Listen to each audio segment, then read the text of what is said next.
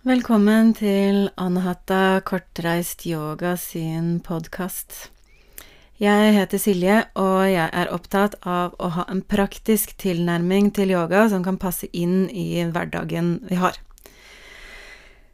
Dette er nå første episode i sesong fem, episode nummer 37 totalt, og jeg skal snakke om mantra. Ikke bare det, jeg skal også chante mantra og synge mantra i denne episoden. Så dette er uh, noe jeg har ruga på veldig lenge, men uh, nå er det klart, og jeg gleder meg til å dele det med deg. Gjør deg klar ved å ta noen dype pust nå før vi går i gang.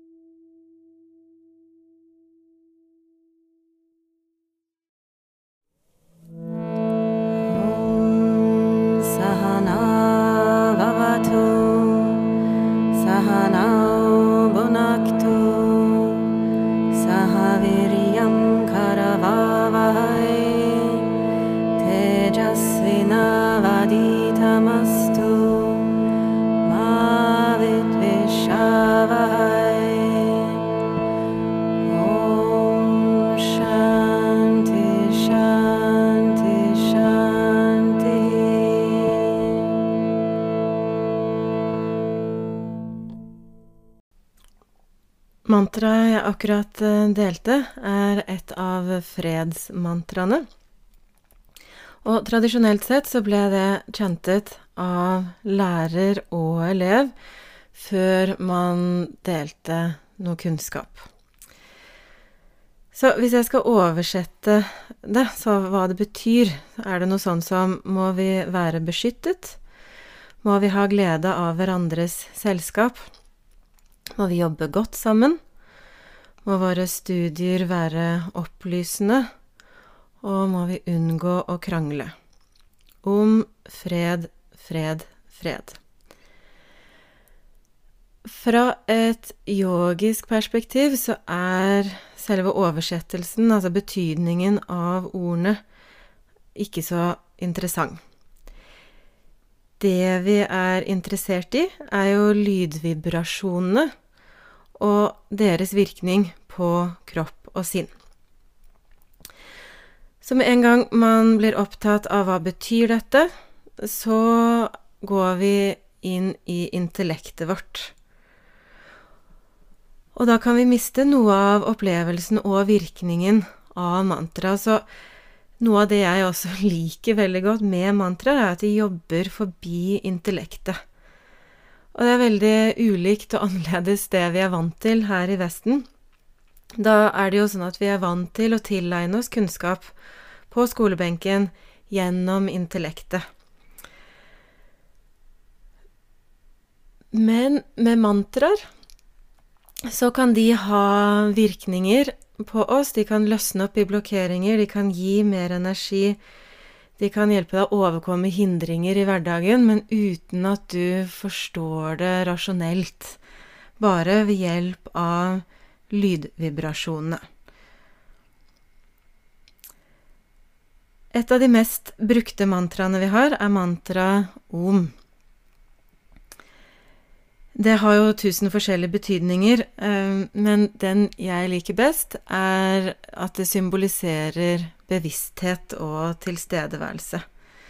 Så du vil legge merke til at veldig mange mantraer begynner med om, Og noen yogaøkter kan også begynne med at man chanter om tre ganger, f.eks.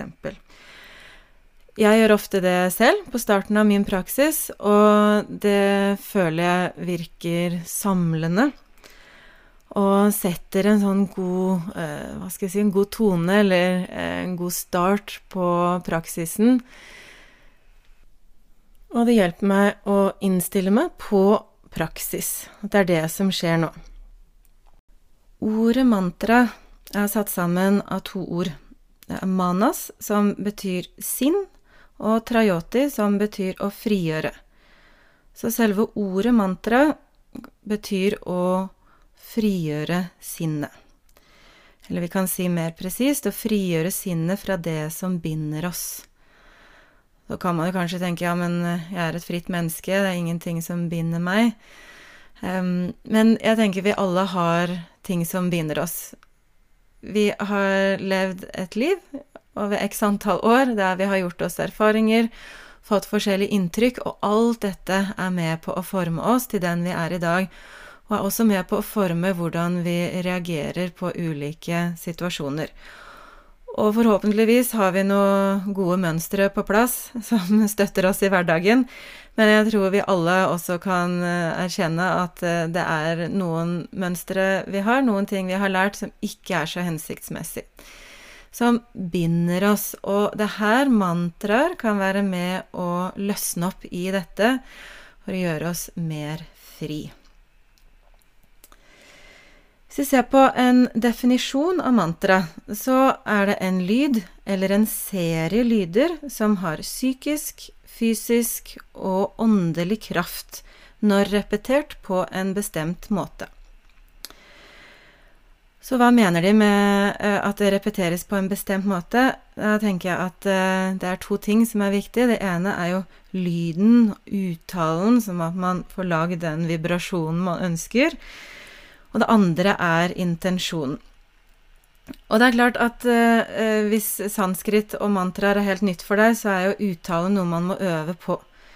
Men heldigvis tror jeg det ikke er det viktigste. Jeg tror også intensjonen er veldig viktig. Og kanskje viktigere enn uttalen. Hvis du jobber med å være til stede og kjenne etter, og undersøke og observere hva gjør disse forskjellige lydvibrasjonene i kropp og sinn, da har du eh, et veldig godt utgangspunkt for å få mye ut av praksisen. Jeg måtte jo sjekke hva Store norske leksikon og Wikipedia hadde å si om mantraer. Og da ble det tydelig for meg at det er en stor misforståelse som rår. Så mantraer blir altså uh, i mange sammenhenger knyttet opp mot religion. Og det å bruke mantraer blir dermed en religiøs praksis. Og her er jeg bare ikke enig. Altså, det er klart mantraer kan brukes religiøst, og det gjør det jo, men mantraer ble jo til lenge før hinduismen og buddhismen. Yogiene har jo til alle tider vært interessert i det som påvirker kropp og sinn også lyder og mantraer. Og mantraer er jo da potente lydvibrasjoner som påvirker kropp og sinn på en helt bestemt måte. Eh, jeg vil nevne et eh, annet eksempel på mm, et mantra, Om Nama Shivaya. Det er veldig, veldig mye brukt, og hvis vi oversetter det direkte, så er det noe sånn som Jeg hilser Shiva, eller Jeg bøyer meg for Shiva. Og her kan man selvfølgelig velge å se på Shiva som et symbol på bevissthet, at det er noe man hilser og bøyer seg for. Man kan si at det er en yogisk oversettelse av mantra, men det går også mye dypere enn dette. For ifølge yogafilosofien så består jo kroppen vår av flere lag. Her har jeg en veldig fin uh, prat med læreren min, Karma Karuna, som uh, kommer senere i denne sesongen, som er en introduksjon til chakraene. Uh, men litt sånn kort fortalt, da, så har vi jo den fysiske kroppen vår, som vi kan ta og føle på. Så har vi energikroppen vår, som består av energisenter og energibaner. Det er det de baserer seg på når de jobber med akupunktur, ikke sant? Disse meridianene, at du stikker en nål et sted, og så fører det til en virkning et helt annet sted i kroppen. Eh, og så har vi vår mentale kropp, og enda eh, en kropp etter det også. Eh, men når vi bruker mantraer, så jobber vi primært med energikroppen vår.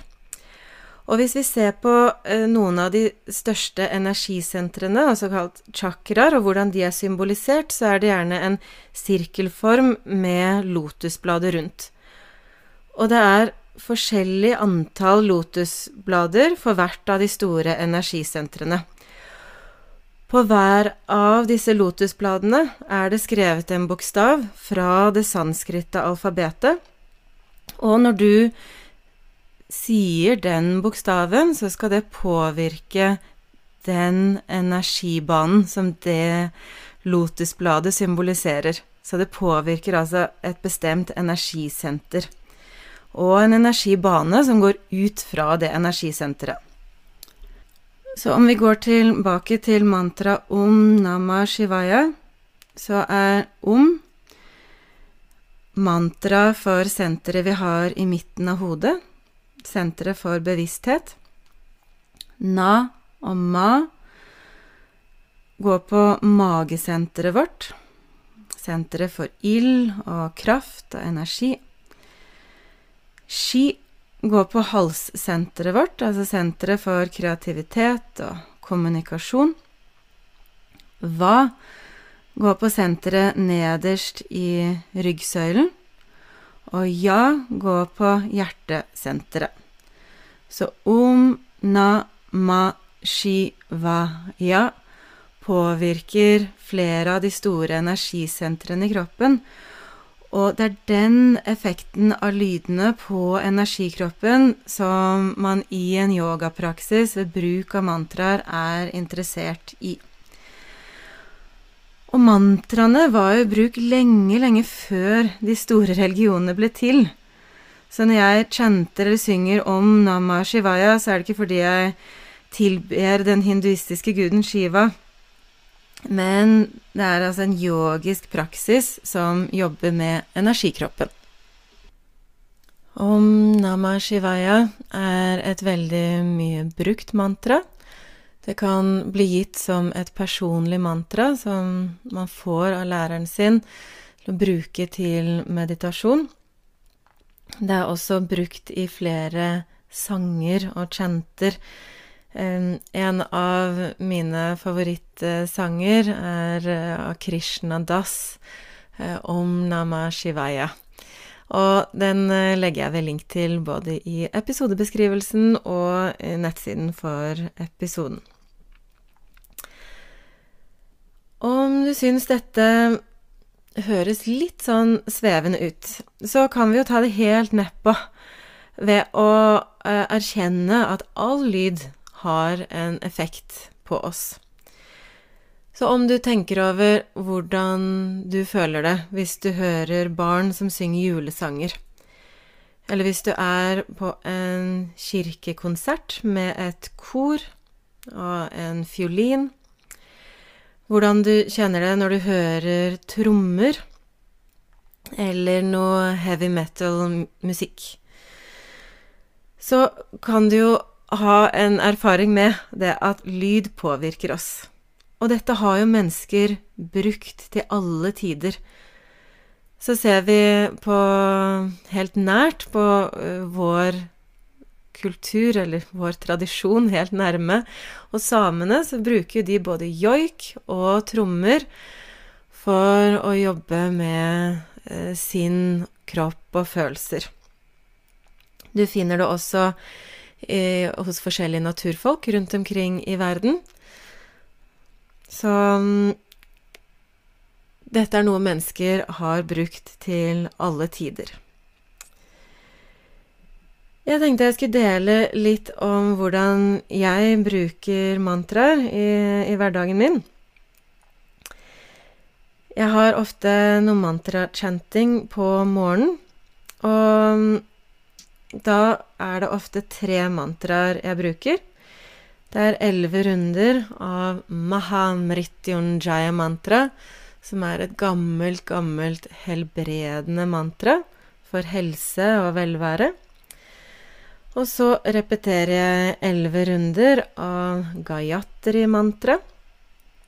Det er også et veldig gammelt, veldig mye brukt mantra, og skal vekke ens indre visdom og gjøre det lettere å lære. Og så er det tre runder av de tre, 32 navn på det feminine, den feminine urkraft. Det skal hjelpe å overkomme hindringer som man møter på i sin vei. Jeg opplever veldig god effekt av disse mantraene. Og på et eh, helgekurs jeg hadde på Holmen fjordhotell med Sigrun, så inviterte vi Karin Mæland til å ha et foredrag og workshop om mantraer. Hun driver Akademi for indisk filosofi. Og når hun beskrev det å bruke disse mantraene som Eh, jeg nettopp beskrev, da, ikke sant, disse Mahamrityunjay mantra og Gayatri mantra som er brukt i tusenvis av år av tusenvis av mennesker, så blir det litt som å slenge seg på en sånn bølge, en svær bølge av energi og kraft som er blitt bygget opp av så mange mennesker over så lang tid. Og så får man plukke opp litt av den eh, kraften fra denne svære bølgen som er blitt bygget opp. Og jeg syns det var en veldig god og fin beskrivelse av det. Disse mantraene kommer det mer om i neste episode av podkasten, og jeg skal også dele dem. En annen måte jeg bruker mantraer på i hverdagen, er å lytte til mantraer. Så det er masse flott uh, chanting tilgjengelig, både på iTunes, Spotify, YouTube. Og bare å søke seg frem og finne det man liker. Og det er også mange veldig dyktige, flinke kirtan-artister, sånn som Deva Premal og Meeten, CC White, eh, Krishna Das, som jeg nevnte, Ajit Kaur. Um, jeg legger ved linker til disse. Jeg liker også å bruke mantraer i den fysiske yogaen. Og det gjør jeg jo ikke hele tiden, men jeg gjør det av og til. Og et eksempel kan man jo finne tidligere i denne podkasten, der jeg deler praksis av solhilsen med solmantraene. Det er altså ett mantra for hver stilling. Jeg liker også å synge mantraer når eh, jeg har yogalever til veldig sånn rolig og hvilende yoga. Man kanskje blir i en yogastilling i fem eller ti minutter, enda lengre. Og så mens man ligger i stillingen, kan jeg da synge et mantra. Jeg syns også det er veldig flott med kirtan. Kirtan betyr egentlig bare at man synger sammen. Og det er også en yogisk praksis, på lik linje med det å gjøre pusteøvelser eller avspenning eller praktisere takknemlighet. Så kan man altså synge mantraer. Og når vi synger kirtan, så er det annerledes enn den formelle chantingen, som er ganske sånn rytmisk og eh, gjøres på en bestemt måte. Altså når vi synger, så er det en veldig fri praksis. Så eh, jeg har vært med på kirtan i India, eller også her i Vesten, bare når man er mange mennesker sammen som har vært med på det flere ganger, så er det helt vanlig at noen begynner å klappe, noen kan reise seg opp og begynne å danse. Um, så man står veldig fritt i praksisen. Og eh, en liten digresjon her. Eh, det er jo en studie, eller flere studier òg for så vidt, men jeg kan linke til en bestemt studie som er gjort, som viser at når man synger sammen, så synkroniseres hjerterytmene til de som synger sammen. Og det gir jo mening, man synger jo de samme ordene til samme tid, og da puster man jo inn på samme måte, og så kommer jo sangen med utpust. Så da blir pusten synkronisert, og så blir hjertes, hjertene til de som synger synkronisert. Og det er klart at på ett nivå så plukker vi opp dette her. Og kjenner på en følelse av tilhørighet og samhørighet. Og det er også vist at sang gjør en mer lykkelig. Det har vist seg at mantrasang det bygger optimisme, det påvirker sinnet positivt, reduserer stress og øke både fokus og konsentrasjon. Og dette føler jeg ut fra egen erfaring at stemmer veldig bra. Jeg bruker av og til chanting eller mantrasang for å lande og roe meg ned. Um, og det er klart at her kan man jo selvfølgelig gå rett på en avspenning. La oss si du har vært ute i verden, hatt jobb eller en full dag. Kjenner deg litt sånn stressa og vibrerende, mye som skjer på innsida. Du kommer hjem, du bestemmer deg for å gjøre en avspenning. Og av og til kan man legge seg rett ned og få godt utbytte av den avspenningen. Absolutt. Men selv opplever jeg av og til at den overgangen, den blir for stor. Ikke sant? Fra å ha vært veldig utadvendt, veldig mye som skjer, og til å ligge helt i ro og ikke skal skje noen ting, så blir det så stor overgang at jeg henger ikke helt med, og så klarer jeg ikke å gi slipp der jeg ligger, til avspenning. Om jeg da velger å ta tak i noen mantraer først, så hjelper det meg å roe ned og lande ordentlig i kroppen og få bort mye sånn tankesurr og tankespinn. Eh, og så, hvis jeg da legger meg ned til avspenning, så er jeg klar. Og dette syns jeg går veldig fort. Altså det, for meg er dette en av de mest effektive teknikkene for å roe ned. Altså det går på et blunk. Eh, en siste måte jeg bruker mantra på, er som nattasang til barna mine. Og da har jeg valgt eh, Gayatri mantra. Jeg synger den fordi eh, jeg liker så godt melodien Deva Premal har på den. Og jeg liker betydningen av mantra. Det, det er jo skrevet masse om betydninger av det. Man kan google det og få mange forskjellige forklaringer på det.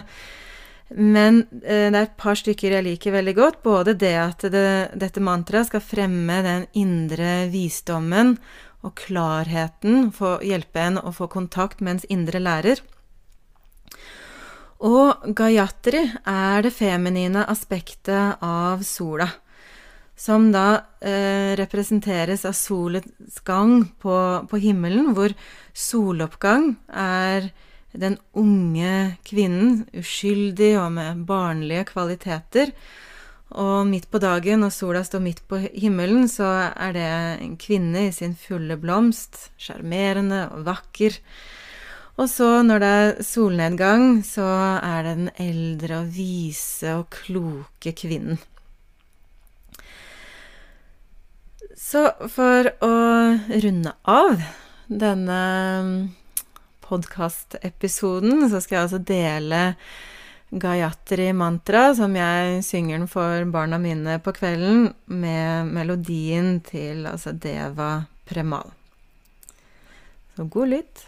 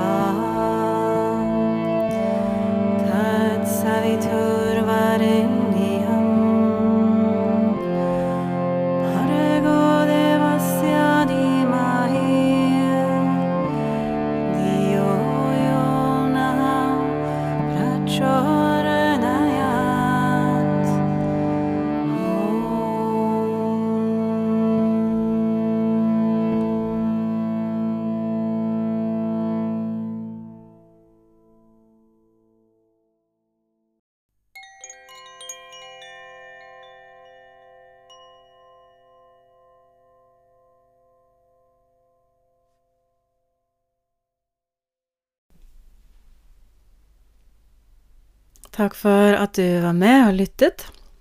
Håper jeg har inspirert deg til å bruke noe mantra i din hverdag.